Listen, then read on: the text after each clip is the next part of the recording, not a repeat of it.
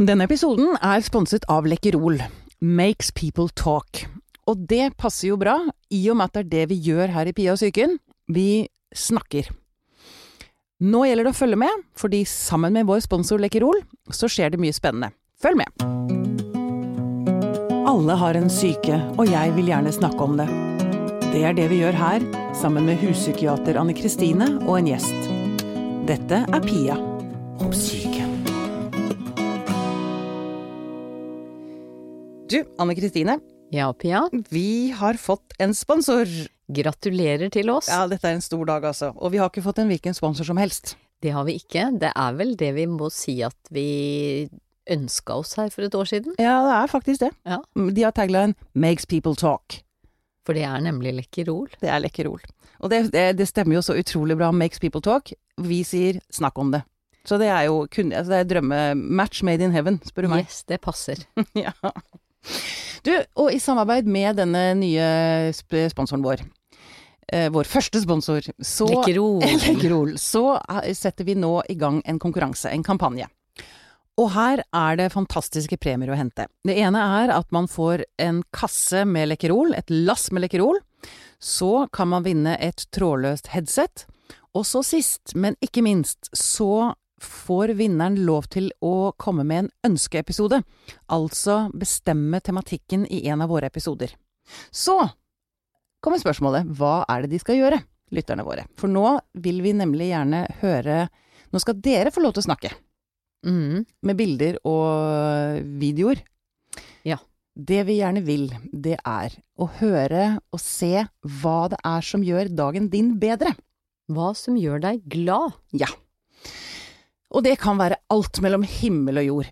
Vet du, da kan jo jeg spørre deg, Pia, hvis du skulle lagt ut noe, Ja. hva ville du lagt ut da? Hva er det som gjør deg glad? Du, vet du hva, Anne Kristine, at uh, jeg tror noe av det som gjør meg gladest i hele verden, det er vann. Jeg går jo opp langs Akerselva på vei til jobb, og den elva der, den gjør meg så glad. Virkelig, det er, det er så fint å gå, både høre, høre på den, altså høre lyden av elven som renner, se at det glitrer, og det, det er bare så utrolig vakkert. Det er, eh, da merker jeg at da løfter dagen min, sin, min seg mange hakk når jeg går langs den elva.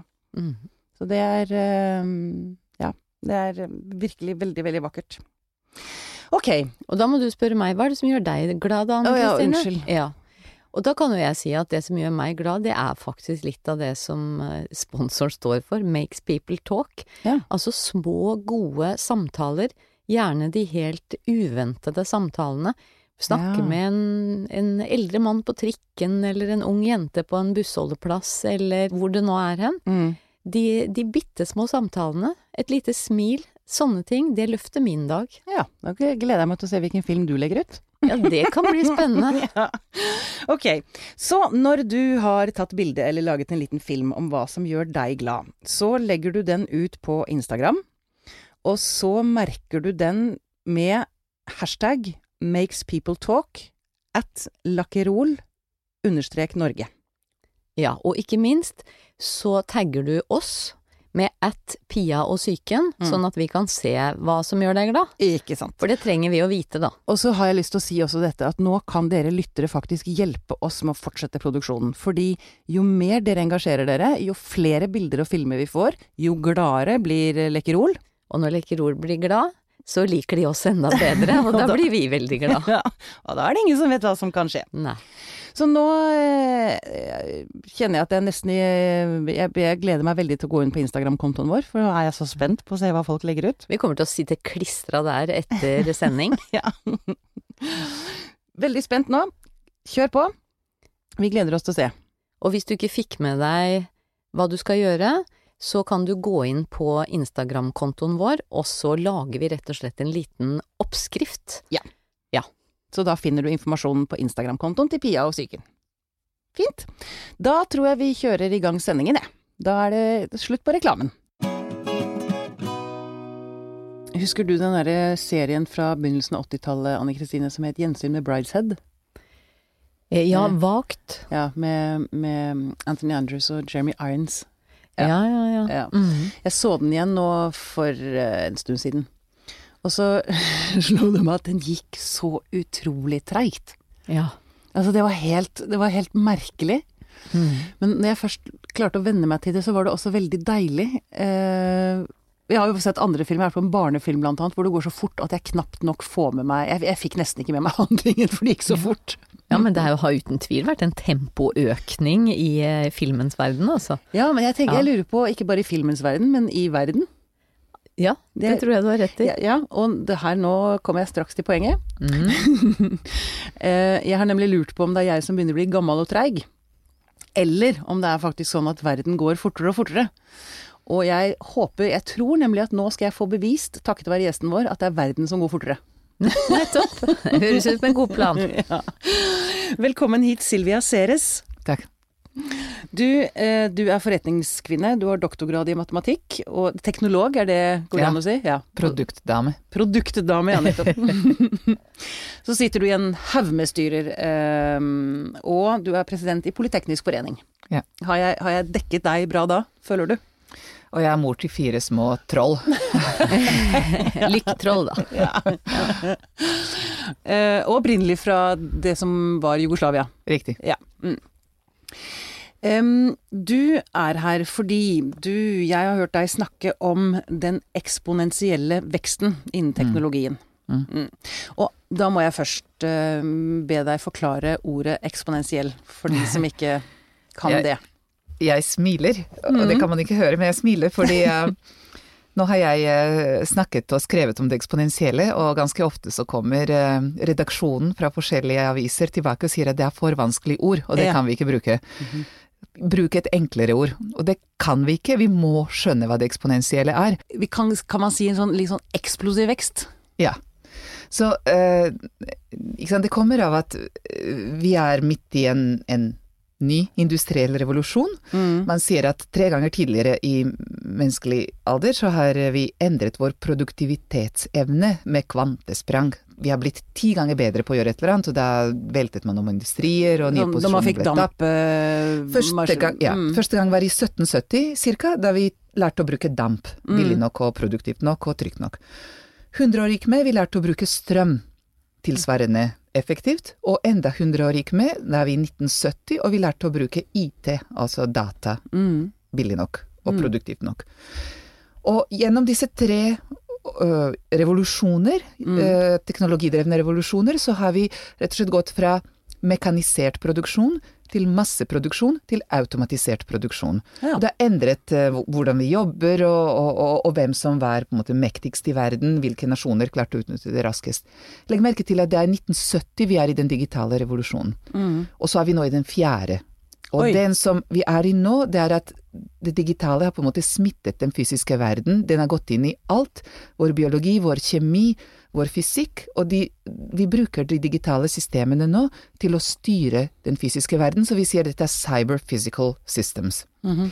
Men grunnen til at det er annerledes, og, og, og kanskje enda mer spennende denne gangen enn de forrige tre gangene, det er at denne underliggende digitale teknologien vokser eksponentielt, mens de andre vokste lineært. Det vil si at de andre, hvis du økte eh, altså du kunne kanskje øke størrelsen til den dampkjelen med 10% etter hvert, eller noe sånt, men, men disse chipene som bor i datamaskiner, de blir dobbelt så sterke ca. hvert annet år. Mm. Så eh, hvis vi forenkler det, i år er det så sterke, og så neste år er de to ganger så sterke, og så er det fire, ganger, og så er det åtte ganger, og så er det 16 ganger, og så er det 32 ganger. Så det er to ganger to ganger to ganger to for hvert år, og da får du to i n, Ja. og det er en eksponentiell funksjon. Og det som er annerledes, er at vi har aldri før, før hatt en teknologi som har vokst på den måten. Og tingen er at tilsvarende har datamengden vokst, og tilsvarende har nettverkenes hastighet vokst. Sånn at, og dette her er nå gått over på liksom, medisinen styres digitalt, finansverden styres digitalt, eh, samfunnet styres digitalt etter hvert. Så en ting er at vi har etter hvert fått selvkjørende biler, men vi får selvkjørende bedrifter, og vi får selvkjørende samfunn, Mm. ikke sant? Så det digitale kjører det, eh, og, og det digitale blir sterkere og sterkere i en fart som vi ikke kan forholde oss til.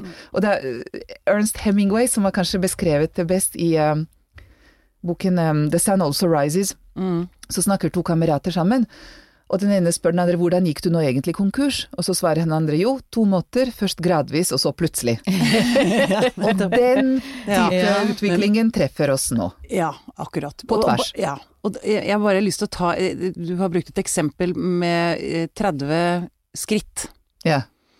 30 normale skritt, Ja. si, 30 lineære skritt, og 30 eksponentielle skritt. ja. Eh, Kan du bare ta den ta det bare-? Bare vise Ja. hvor enormt eh, det kan bli da, med eksponentiell vekst. Ja. Det er eh, forskjellige måter at man prøver å visualisere den eksponentielle veksten på, som vi egentlig ikke da, som jeg sier, ikke har intuisjon for. Den ene veldig mye brukte er å si at ok, 30 skritt hvis de er lineære, hvis de er like lange omtrent, eller si de vokser med 5% og du begynner med en meter, og så kommer du ca. 30-40 meter etter 30 sånne skritt. Men hvis de vokser eksponentielt, det vil si at du dobler lengden på skrittet for hvert skritt som går, så har du gått 26 ganger rundt jorda.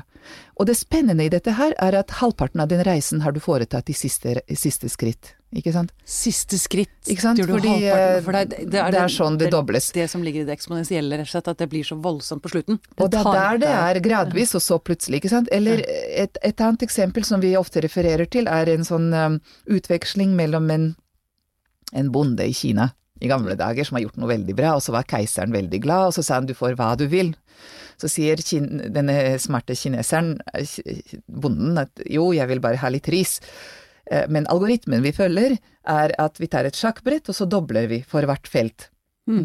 Antall riskorn. antall riskorn. Mm. Og det så veldig bra ut i første rad, og så så det ikke så verst ut i neste rad, men når de begynte å komme over på andre halvdel av sjakkbrettet, så skjønte keiseren at dette går ikke, det er mer ris enn det det er ris på jord.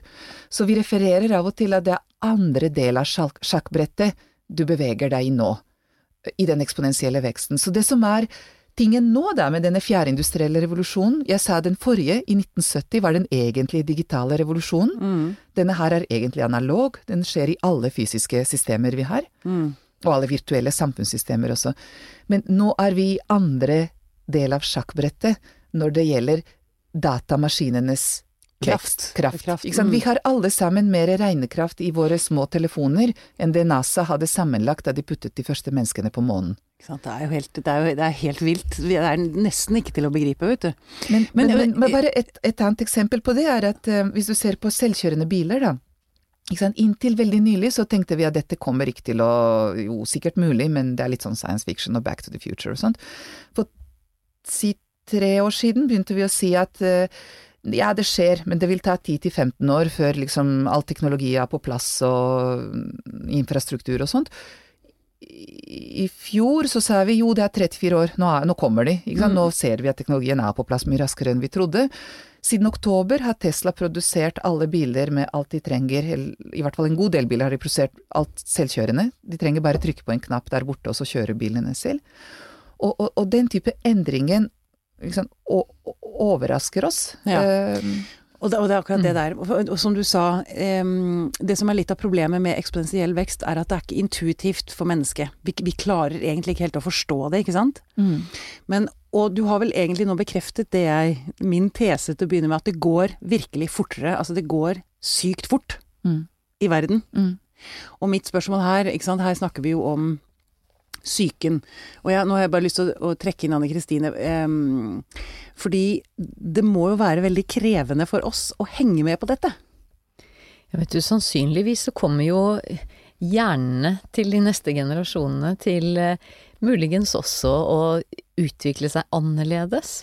Fordi at uh, vi vet jo såpass mye om hjernens utvikling at den, den er så Den er jo ikke en statisk ting. Altså den, den eh, responderer jo Det er jo sånn for eksempel, bare som et eksempel, da, at eh, hvis du tar en lapp over øyet på et nyfødt barn, så utvikler ikke det barnet syn på det øyet. Fordi at det er avhengig av stimuli. ja. Eh, selv om det, altså det Det har jo ikke vært blindt fra starten av, men det bare trenger eh, å interagere med omgivelsene. Og vi kan jo se for oss det at når det kommer så mye nye stimuli, så gjør det noe med hjernen vår. Mm. Og, og vi vet jo ennå ikke hva. For altså, det er jo noe med Da må man jo ha oversikt over hvordan det skjer for å kunne si at det skjer. Så vi er jo litt der at det skjer sikkert noe, men jeg vet ikke helt hva. Jeg vet ikke helt hva, nei. Nei. Eh, hva tenker du om dette, Silvia? Altså, jeg vet at du er jo veldig opptatt av næringslivet. Du, Jeg vet du har vært mye ute og snakket om at nå må næringslivet henge med.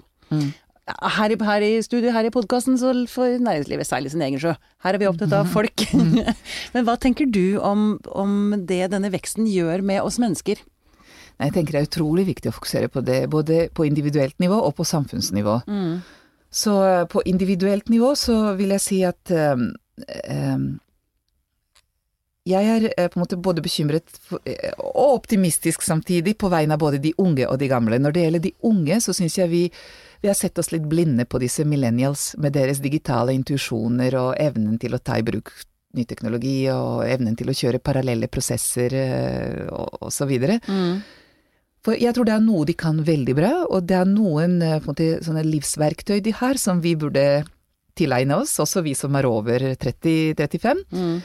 Men jeg tror at de også har en utålmodighet i seg som kommer til å straffe seg. Dette er en generasjon som har vokst opp med at du kan lære alt fra YouTube. Hvis ikke du kan finne ut av det på YouTube på tre minutter, ikke Wikipedia lenger, ikke nå er det YouTube, så, så er det nesten ikke verdt å kunne. Og derfor så skriver eh, en som heter Niklas Carr veldig vakkert om eh, Is Google making us stupid?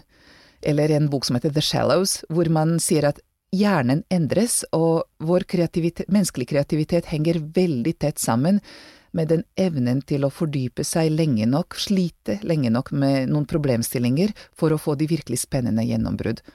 Og vi, vi har ikke nok eh, forståelse av hvordan vår hjerne egentlig gjør dette her. Vi har ikke ordentlig theory of mind. Så det som skjer er at eh, vi prøver å algoritmisere tenkningen, og, og kunstig intelligens har kommet veldig langt, men, men de mest spennende gjennombruddene som menneskeheten har hatt, har ikke vært algoritmiske. Sånn at hvis du tenker de store gjennombrudd i vitenskap, når Einstein kom på relativitetsteori, så har han ikke samlet alt som er å vite om energi, og liksom funnet en sånn perfekt løsning på den ligningen. Han har tenkt på noe som er umulig, altså hvordan reiser energi, altså lys gjennom vakuum. Og så eh, gjorde han en sånn sprang som, som, som har brakt oss videre. Og tilsvarende type utvikling tror jeg vi menneskene kommer til å måtte ta ansvar for. Ikke disse kjempesmarte kunstintelligente maskinene våre, men vi kan ikke ta det hvis vi har blitt for grunne. Hvis ikke vi har beholdt den dybden. Og det er, sånn som dere sier, det er litt sånn use it or lose it. Så det jeg er redd for med fremtidens samfunn, er ikke så mye at samfunnet blir selvkjørende, for det, det blir den i større og større grad, og på mange måter blir det tryggere. Det blir mindre bilulykker når bilene kjører selv, det blir færre feilvurderinger når alt dette skjer på en veldig sånn pålitelig og optimalisert måte. Men det er to ting. Programmene inneholder feil. Det er masse bugs, ikke sant, så akkumulerte bugs er det jeg bekymrer meg på den ene siden. Og det andre er at menneskene må styre denne prosessen. For til For det- syvende og sist så er det umulige valg som må foretas, og de umulige valg kan bare foretas hvis du fortsatt har evnen til å abstrahere, til å tenke kritisk, til å liksom Og det må vi ikke gi bort. Nei, men for det er litt Jeg har lest at det er en del noen som er redde for akkurat dette med altså jo, jo smartere maskinene blir, jo mer overtar de. Klarer vi å lære dem følelser? Disse Ja. robotene, ikke sant? Ja, det er noen som sier at de blir ikke ordentlig smarte før de har fått følelser. Fordi altså, ikke sant, våre emosjoner er eh, et verktøy som evolusjonen har gitt oss for å fungere raskere i kritiske situasjoner. Mm. Sant? Det er det intuisjonen vår er. Og, og, og, og, og vi mennesker er ekstremt effektive overlevelsesmaskiner, og, for å være det så trengte vi både smerte og diverse andre ting som har lært oss å ta disse shortcuts, ikke sant. Og så kan maskinene regne veldig fort, men de har ikke ressursknapphet bygget inn i seg foreløpig, og de har ikke disse følelser bygget inn i seg. Ressursknapphet. Nei, altså jeg mener at eh, grunnen til at vi eh, Altså, vi mennesker er grunnleggende konkurransedyr, ikke sant? Og den konkurransen kommer av at det er ikke nok av alt til alle. Og det er noe av det som har gjort oss eh, så sterke gjennom evolusjonen. Men den type tankegang med at jeg må konkurrere ut de andre, den har ikke maskinene. Nei. På godt og vondt. Så alle de som er bekymret for at nå kommer terminatoren og terminerer oss ute, den, in, den, den forutsetter at datamaskinene tenker sånn som vi gjør, eller og Å har- overleve din jakke de det er ikke sikkert at vi er i veien for datamaskinene på noe vis. De, eh, altså, sånn at Men, men, på et eller annet tidspunkt så blir Vi kommer til dette singularity-punktet, hvor datamaskinene er smartere på et generelt grunnlag enn mennesker. Og noen av verdens beste tenkere, inkludert Stephen Hawking, er kjempebekymret. Og de sier at dette er den siste teknologien vi lager, og ikke sant. Det er veldig skummelt at vi lager noe verktøy som vi ikke lenger klarer å forstå. Altså kompleksiteten. Mm. Altså selv i disse selvkjørende biler, for å gå tilbake til det, det er det er flere linjer av kode i en selvkjørende bil enn det er i en F-35, ikke sant. Så det er ikke, altså det er ikke enkle verktøy vi har å balle med her. Og dette er ting vi etter hvert bygger inn i kroppen vår, og vi, vi har ikke grunnlag til å forstå den kompleksiteten og den farten som Nei. disse maskinene jobber i. Og det ser man når disse maskinene tar over f.eks. finansielle markeder osv. Vi, vi, vi klarer ikke å forholde oss til tidsaspektet deres. Mm.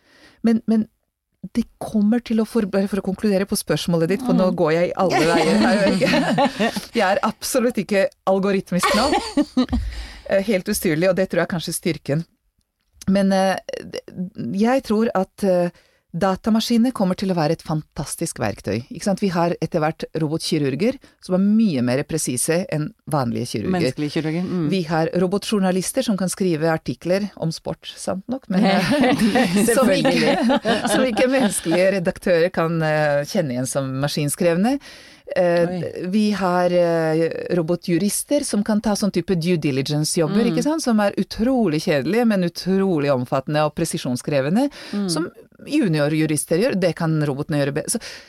Men det robotene ikke kommer til å Og med roboter mener jeg da kunstig intelligens og mm. maskiner, ikke sant. Jeg tror at når du ser på de virkelig vanskelige problemstillingene i juss, i finans, i sport, i medisin, så er det ting som krever veldig vanskelige kritiske avgjørelser i nesten umulige situasjoner. Du må bryte den ene eller den andre loven. Det, og der kommer vi til å trenge mennesker. Det er nettopp vår irrasjonalitet, vår evne til å gjøre en Einstein og tenke det umulige, vår evne til å se at ja, men nå fungerer ikke dette lovsystemet lenger, mm. nå må vi gjøre noe helt annet. Mm. Husk, Alt Hitler gjorde i Tyskland, var lovlig i Tyskland på det tidspunktet. ikke sant?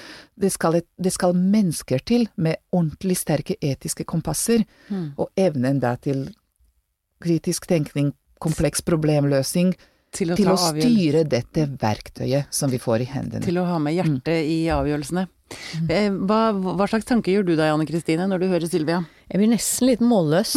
ja, fordi at det er eh, ja, det er jo litt sånn vanskelig fattbart. Mm.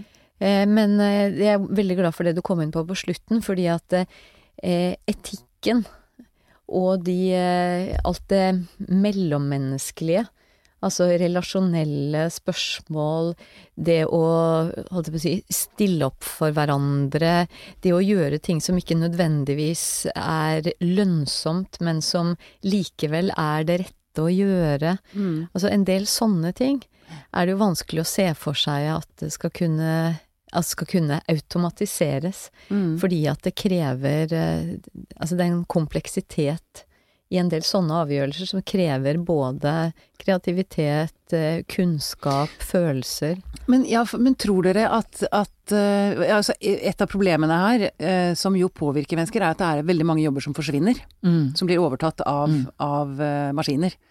men tror dere at Eh, det vil utvikles nye typer jobber. Mm. At, ja. at, som du sier, at, at, vi må bruke hjernen eller hjertet eller på, på, en annen måte.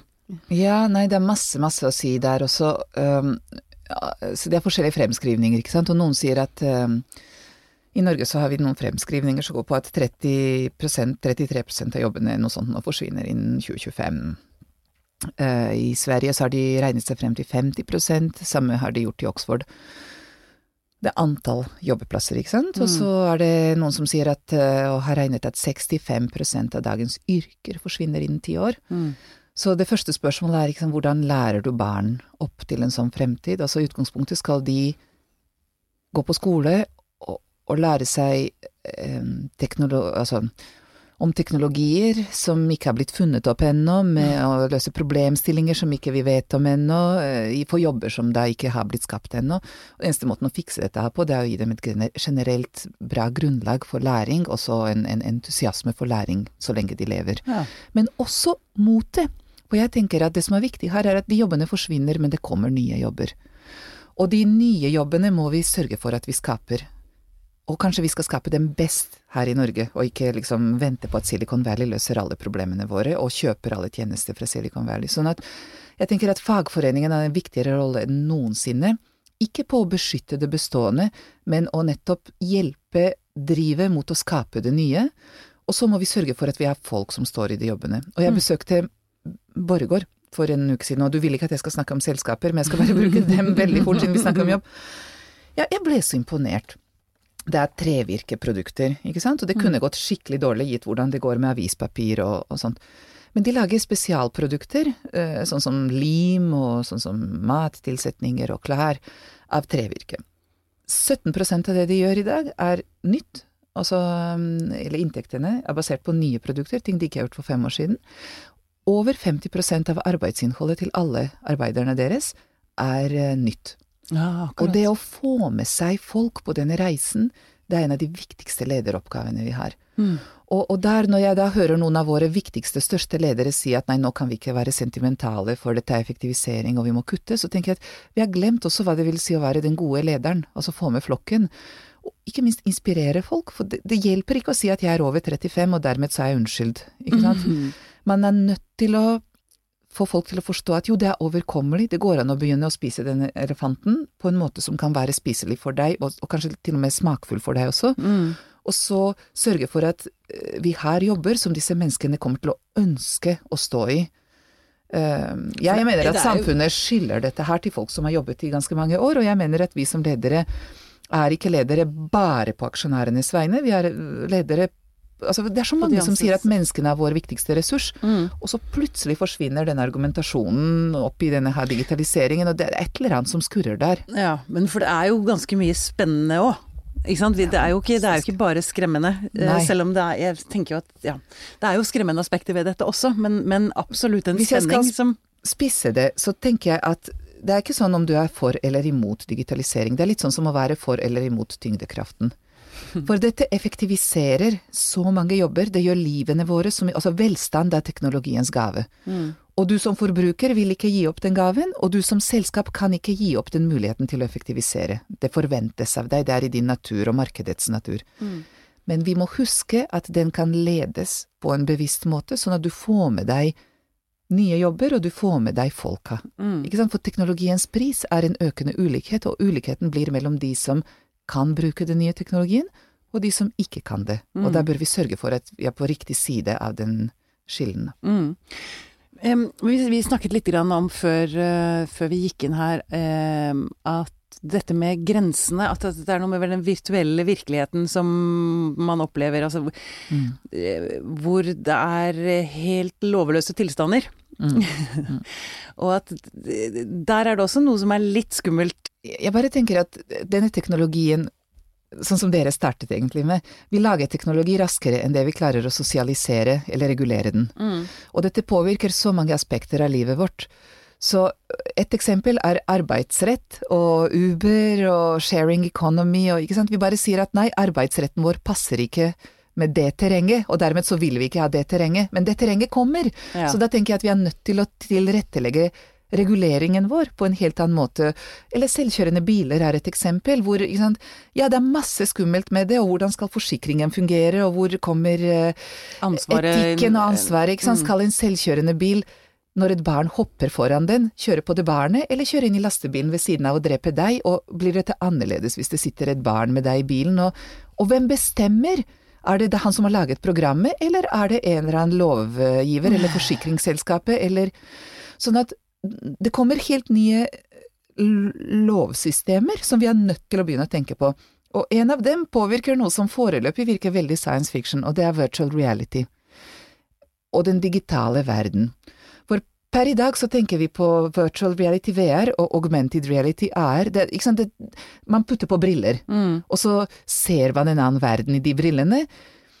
Eh, og så tenker vi på dette her er noe kanskje som ligner litt på Pokémon Go, hvor vi går og jakter på disse Pokémoner i en virkelig verden. Eller så kan det være egentlig spill som barna våre spiller, som blir i større og større grad eh, virkeliggjort i sånn type tredimensjoner, ikke sant? Eh, men eh, det er ikke bare spill.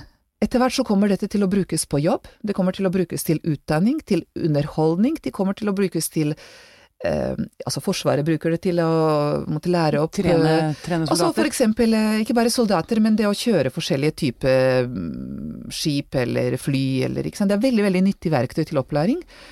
Men det brukes annet også til å trene eh, eksempel eh, mobbere eh, til å ikke være mobbere lenger. Fordi hjernen vår aksepterer den virkelige verden som reell veldig fort. Den liker å forføres i den virkelige settingen. Dette fungerer veldig bra i VR-porno, visstnok. ok. For eh, det, det psykologene snakker om veldig mye her, er um, reality impotence. Altså, den virtuelle verden blir så mye mer stimulerende at du ikke er interessert i virkeligheten lenger. Og da kommer vi tilbake til det dere snakket om, hva gjør dette her med hjernen vår, ikke sant? Hvis den virkelige verden er så mye mer forførende, så for det første så hjelper det å løse mange samfunnsproblemer. Eh, men, men er det egentlig altså, si, si, si da kan du la pedofiler da holde på i den virkelige verden. I den Så- virtuelle verden. Unnskyld, i den virtuelle Ja. verden. Ja, jeg måtte bare skynde meg å si det. Ja, I den virtuelle verden, og det er en måte å løse mobbing ved ja. men, men, men er det egentlig greit? Ikke sant? Og når vi får våre avatarer etter hvert, som vi i større og større grad identifiserer oss med, og dette høres igjen ut som science fiction, men bare tenk på hvor opptatt dere er av deres liv i sosiale medier, Ja, ja, ja. som Facebook og likes og så sant? Og dette blir mer og mer oversatt eller koblet opp mot det fysiske, ikke sant? Hva skal være lov, og hvem skal regulere det, og på hvilket grunnlag, og dette kommer også til å bli veldig reell lovgivning etter hvert. Mm. Hm. Ja, og nå kom jeg på en annen ting. Eh, eller apropos dette med virtuelle verdener og sosiale medier og sånn. Jeg har jo en eh, bipolar lidelse. Mhm. Og når jeg går over på den høye siden av meg selv, så er jo jeg veldig, blitt veldig bevisst på at jeg må ikke være på mye, for mye på data. Jeg Mm, trenger mm. å høre stemmer. Mm. Jeg trenger berøring. Jeg trenger å jorde meg. Og det tenker jeg også, det er en sånn fare jeg ser med, med fremtiden. At Mm. det blir så virtuelt at vi, at vi liksom mister kontakten med jorda. Nei, jeg tror det er veldig, veldig riktig, og, og det ser vi alle sammen. Eh, Det er nok rett og slett med at du setter deg bak et ratt, og så kommer litt forskjellige personlighetstypene, bilratt mener jeg. Mm. Eh, Personlighetstypene kommer, i hvert fall i den delen av verden hvor jeg kommer fra, så oppfører folk seg veldig annerledes bak rattet, og når de snakker og ser deg i øynene. Tilsvarende skjer på telefon også, ikke sant. Det er veldig mye greiere å være høflig og fornuftig og øh, bruke sin emosjonelle intelligens da, når du ser et menneske, enn når du bare snakker. Men disse nettrollene mm, Og så har vi nettroll, og så blir dette her i større og større grad gjeldende da i disse virtuelle verdener. Og da er det dilemmaet, ikke sant, er dette et bra medium for å måte få ut aggresjon, eller skal vi forholde oss til det like eh, reelt som det vi gjør ellers? For etter hvert blir dette her Det virtuelle blir også veldig reelt, når du tenker eksempel på det finansielle. Så lever vi våre liv i finansielle liv i veldig virtuelle settingen. Ikke sant? Dette er etter hvert bare bankenes datasystemer osv. mm. Kan jeg, jeg, jeg, kan deg, jeg kan gi dere et kunsteksempel, og der, der syns jeg kunstens rolle burde komme mye, mye sterkere inn. Kunstnere løper for harde livet hvis du nevner innovasjon for dem, for de mener at kreativitet er noe helt annet. Men jeg tror vi trenger kunstnere som aldri før til å prøve å forstå denne verden vi beveger oss med lynfart inn i. Mm. Og der var det et kunstig, kunstnerisk eksperiment i Sveits som jeg var litt fascinert av. To gutter programmerte en shoppingrobot Mm. som rett og slett gikk og fikk lov til å bruke noen euro hver dag, eller noen bitcoins hver dag, uh, i den uh, virtuelle verden, men de fikk lov til å shoppe litt sånn randomly hva de ville. Og det innebærte at de kunne også shoppe en del ulovlige ting. Så stort sett så kom den tilbake med et eller annet ganske uskyldig, men så kjøpte den noe marihuana eller syntetiske narkotika, kjøpte noen ingredienser til å lage bombe osv. Og da er spørsmålet brøt denne roboten loven? Og hvis den gjorde det, gjorde den det på vegne av sine programmerere, og når programmerere la, la, la inn en randomizing-funksjon, er, er det deres ansvar eller ikke? Mm, Og dette høres helt søkt ut, men det er ganske mange systemer i verden som etter hvert fungerer på den måten, og da er spørsmålet er det programmereren som er ansvarlig? Når bilen din har drept et barn, eller er det du som er ansvarlig, eller er det hackeren som har hacket bilen din, for det er veldig lett å hacke. s- ja. Lover, Jeg merker jeg blir helt matt. Uh, ja. Ah, eh, og så sitter jeg og tenker, jeg lurer på om en robot kan gjøre jobben min? Nå? Her? Kan jeg aldri tenke meg. Nei. Nei, jeg, jeg tror at styrken din er nettopp irrasjonaliteten din. Ja, så, aha, Se, der kom det. Jeg, nettopp. Nei, men jeg er overbevist om at der hvor vi er anner... Det, det som ikke Alt det irrasjonelle kan ikke en maskin være. Nei. Vi er logiske Det er maskiner. Mens det vi har, som er vår store styrke, det er nettopp den der irrasjonaliteten og eh, kreativiteten vår, som vi snakket om Einstein og de eksemplene, ikke sant. Mm. Det, det spranget som Munch gjorde da, når han klarte å tegne disse mørke følelsene våre, det tror jeg ikke en datamaskin hadde klart å regne Nei. seg frem til. Og, og det kommer vi alltid til å trenge maskinene til å Eller Men- trenge menneske- menneskene. menneskene til å Ja, ikke sant? Ja, og så kan vi jo si det at eh, selv om, eh, selv om, som du sa, at eh, man kan f.eks. operere og gjøre en del prosedyrer i helsevesenet, så vil jo ja, altså jeg skal jo selvfølgelig ikke si at det aldri kan skje, men det er noen aspekter ved det å gi omsorg. eh, For eksempel, med og berøring, Mm. som eh, Altså, jeg vet jo at det skjer ting, og at det har vært sykehjem hvor det er sånne små lodne Mm. robotseler som Mm. går rundt, og at det også er bra for helsa. Men, eh, men blikkontakt, Blikk, jeg skulle til å si det. Blikk. Altså Og menneskelig reaksjon. Menneskelige reaksjoner mm. og hva skal si, følelser. Altså nå, nå er det jo Jeg har jo hørt om det at ikke sant, hvis du har en, en robot som har en, en stemme og, og alt sånn som faller ned av bordet, så vil jo folk reagere Mm. som om den falt og slo seg, og løfte den opp igjen. Og, Som en så, baby, så, liksom. ja, så det er, det er eh, Jeg tenker at det, vi vet heller ikke nok om om hva som er mulig. Jeg har jo sett Nei. noen av disse her eh, tegnefilmene, jeg husker ikke hva den heter, men en sånn svær, hvit, oppblåsbar robot. Og den har jo to prikker og en strek. Mm. Men jammen meg, den kan uttrykke Får- følelser, og får fram følelser i andre. Men, Ja, men men- jeg, jeg tror det kan manipuleres, og derfor lager man roboter forresten til å se ganske søte ut ofte. Ja. Og, men, men det jeg tenker er at det ehm, Jeg tror at menneskelig reaksjon Altså, det store spørsmålet fremover blir ikke 'hva vet du', men 'hva syns du'? Mm. Ikke sant? med, med vekt på 'du'. Mm, nettopp. Mm. Eh, For uh, vi kan google, og vi kan uh, finne ut uh, det vi trenger å vite, men det er mer sånn hva er reaksjonen her? Og, og det skal jeg forholde meg til. Og, Ja. og det tenker jeg kommer til å være utrolig viktig fremover i forhold til også sant, styring av samfunnet. Og, Mm. altså, bare, ta, bare ta en dårlig eksempel på dette her. Det er grenser på hvor mye vi skal også optimalisere alle våre samfunn. For hvis det blir sånn at alle skal Uh, Hvis man ser hvordan folk jobber i Amazon, forresten, så er det De har styrt med sånne tabler, er sånn picker som er jobbtittel, og de, skal, de styres på sekund, og det er sånn det skal være litt slack, og det skal være slack i samfunnet også, fordi hvis vi alle sammen tar utdanninger som er bare optimale for samfunnet, hvis vi alle skal oppføre oss eh, veldig effektivt hele tiden, ja, men hvor blir det av friheten vår? Og jeg mener at det å leve fritt med de følelsene man har, og det å på en måte bruke tid til å være kind, da. Det er noe rundt det som kommer til å være Ja, kjernen kjernen fremover, tror jeg. jeg tenker, får vi mer meningsfulle liv, eller blir livene Ja. mer meningsløse? Og det er opp til oss, tror jeg, Det- det, Ikke sant? Og det var akkurat det ordet som dukka opp hos meg også, Pia. Det er med, med mening. Mm. Fordi at det som gir livet mening, er jo sjelden kan du si effektivitet i seg selv, eller altså så, Det det, Ja, så det tror jeg blir veldig, veldig viktig. Og det kan jo ikke være sånn samfunnet styrer seg sjøl, og så sitter alle på hver sin hytte med beina på bordet. Nei. Det er ikke sikkert det blir meningsfullt heller. Nei, men jeg tenker også den der motkulturen. Altså, det er en grunn til at disse her NRK-seriene Minutt for minutt, Mm, mm. å sitte og se på en regnflokk som flytter på seg Jeg har ikke gjort det selv, men det er, jeg, jeg tenker at det er en sånn mot Altså, det slår Ja. at vi, vi trenger en eller annen Den derre roen, da. Nei, men også, tilbake til startpunktet ditt med Brideshead Revisited, ikke sant? Jeg elsket den serien, og så husker jeg ikke helt hvorfor. Mm. Og så merker jeg at jeg, min tanke her var at eh, jeg har begynt å høre på bøker.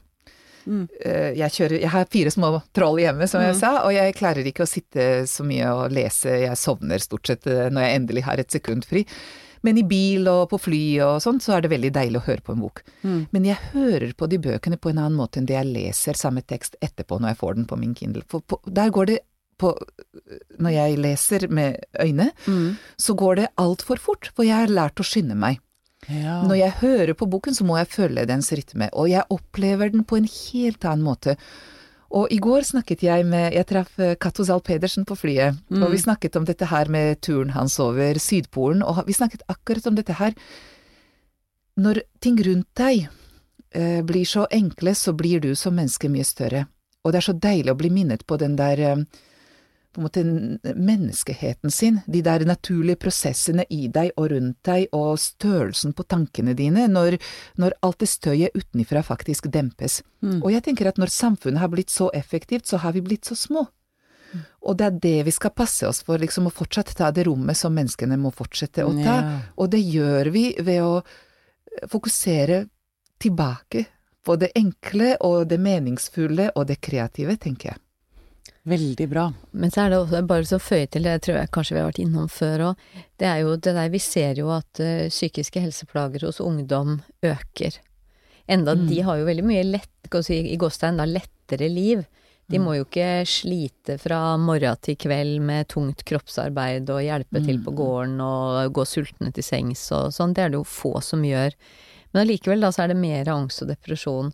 Så kan det jo tenke seg at hvis livet blir for lett, altså å styre med apparater og roboter og sånn, at vi får altfor mye tid aleine med tankene våre, da, fordi at eh, det blir eh, for lite å blir- bruke dem på, og da, har vi, da romsterer vi jo rundt i våre egne hoder, da, og da er det jo også fort gjort å gå seg vill. Ferier blir eh, Snart blir det sånn hardt kroppsarbeid.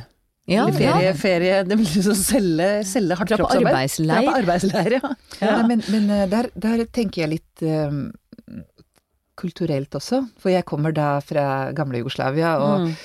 Eh, en eh, fordel jeg av og til tror jeg har over mine norske venner, er eh, den sorte humoren og den fatalismen som jeg fikk med meg derfra. Ja. De går til helvete likevel, så vi kan like godt ha det litt gøy underveis. Men, men også dette her med at man var så mye mer Det var så mye lettere å være åpen om det som ikke gikk så bra. Og det spøkte man så veldig direkte og åpent med. Det er utrolig viktig ventil. Mm. Og det ventilet merker jeg at jeg syns dagens ungdom ikke har. Mm. De har fått så mye, og, og jeg mener at vi presser dem nesten for mye. sånn- Altså, det finnes ikke ett sted i verden hvor du kunne hatt bedre utgangspunkt til å være ung i dag enn Norge.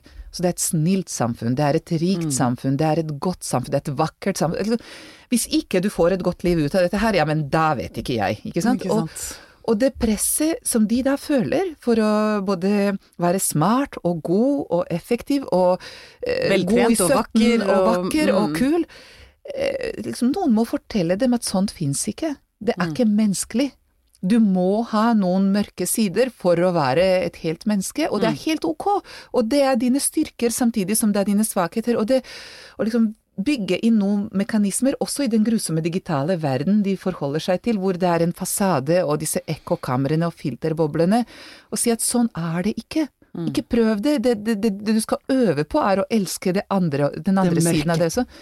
tror jeg ville vært ganske nyttig, eh, nyttig seanse å gå gjennom det. Sånn, da Da vet vi det. Da vet vi det. Og har vi fått noen flere svar? Nei. Jeg har lært, Nei, lært en del, men Ja, og bli, bli, nesten blitt litt sånn overveldet. litt overveldet. Ja. Eh, det må vi bare leve med. Ja. Det er helt sant. Det går nok bra, det òg. ja. det, det går ikke over, men det går nok bra. Det går nok bra. Det går nok bra. Det er som det er, og det blir som det blir. Silvia Ceres, hjertelig tusen takk for besøket. Takk.